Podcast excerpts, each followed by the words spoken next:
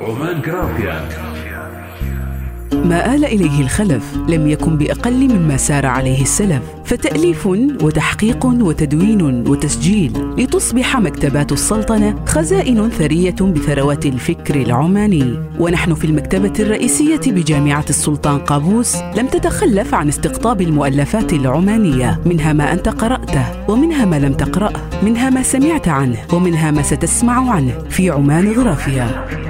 عمان غرافيا برنامج يومي بالتعاون مع إذاعة هلا أف أم. نقف فيه أمام الرفوف. مفتشين بين جنبات الكنوز عن مؤلفات عمانية. نسردها على مسامعكم. الفتح المبين في سيرة السادة الألبوسعيديين. حميد بن رزيق بن بخيت النخلي العماني. الحضارة العمانية حضارة ضاربة في عمق التاريخ منذ القدم.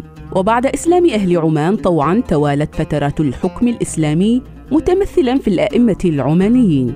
وهو ما تناوله ابن رزيق في كتابه بشكل عام. وخص السادة الألبوسعيديين بزيادة بيان.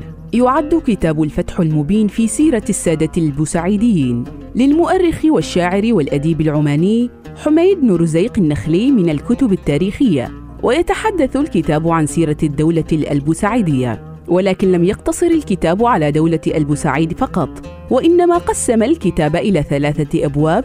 الباب الأول عن الأزد وفضلهم وأمجادهم قبل الإسلام حتى عصر الرسول صلى الله عليه وسلم.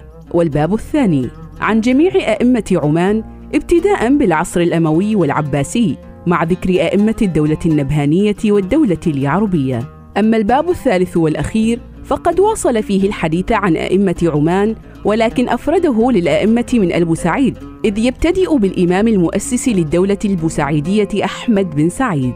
عرف ابن رزيق بأعماله الموسوعية وكان الشخص الذي يقصد لمعرفة تاريخ السادة البوسعيديين منذ نشأة الدولة الألبوسعيدية على يد الإمام أحمد بن سعيد البوسعيدي حتى وفاة السلطان سعيد بن سلطان. ولقد كان مرافقا للأسرة الحاكمة البوسعيدية لذلك يعد خير من يسمع منه عن هذه الأسرة. عمان غرافيا برنامج يومي بالتعاون مع إذاعة هلا أف أم. نقف فيه أمام الرفوف. مفتشين بين جنبات الكنوز عن مؤلفات عمانية. نسردها على مسامعكم. عمان كافية.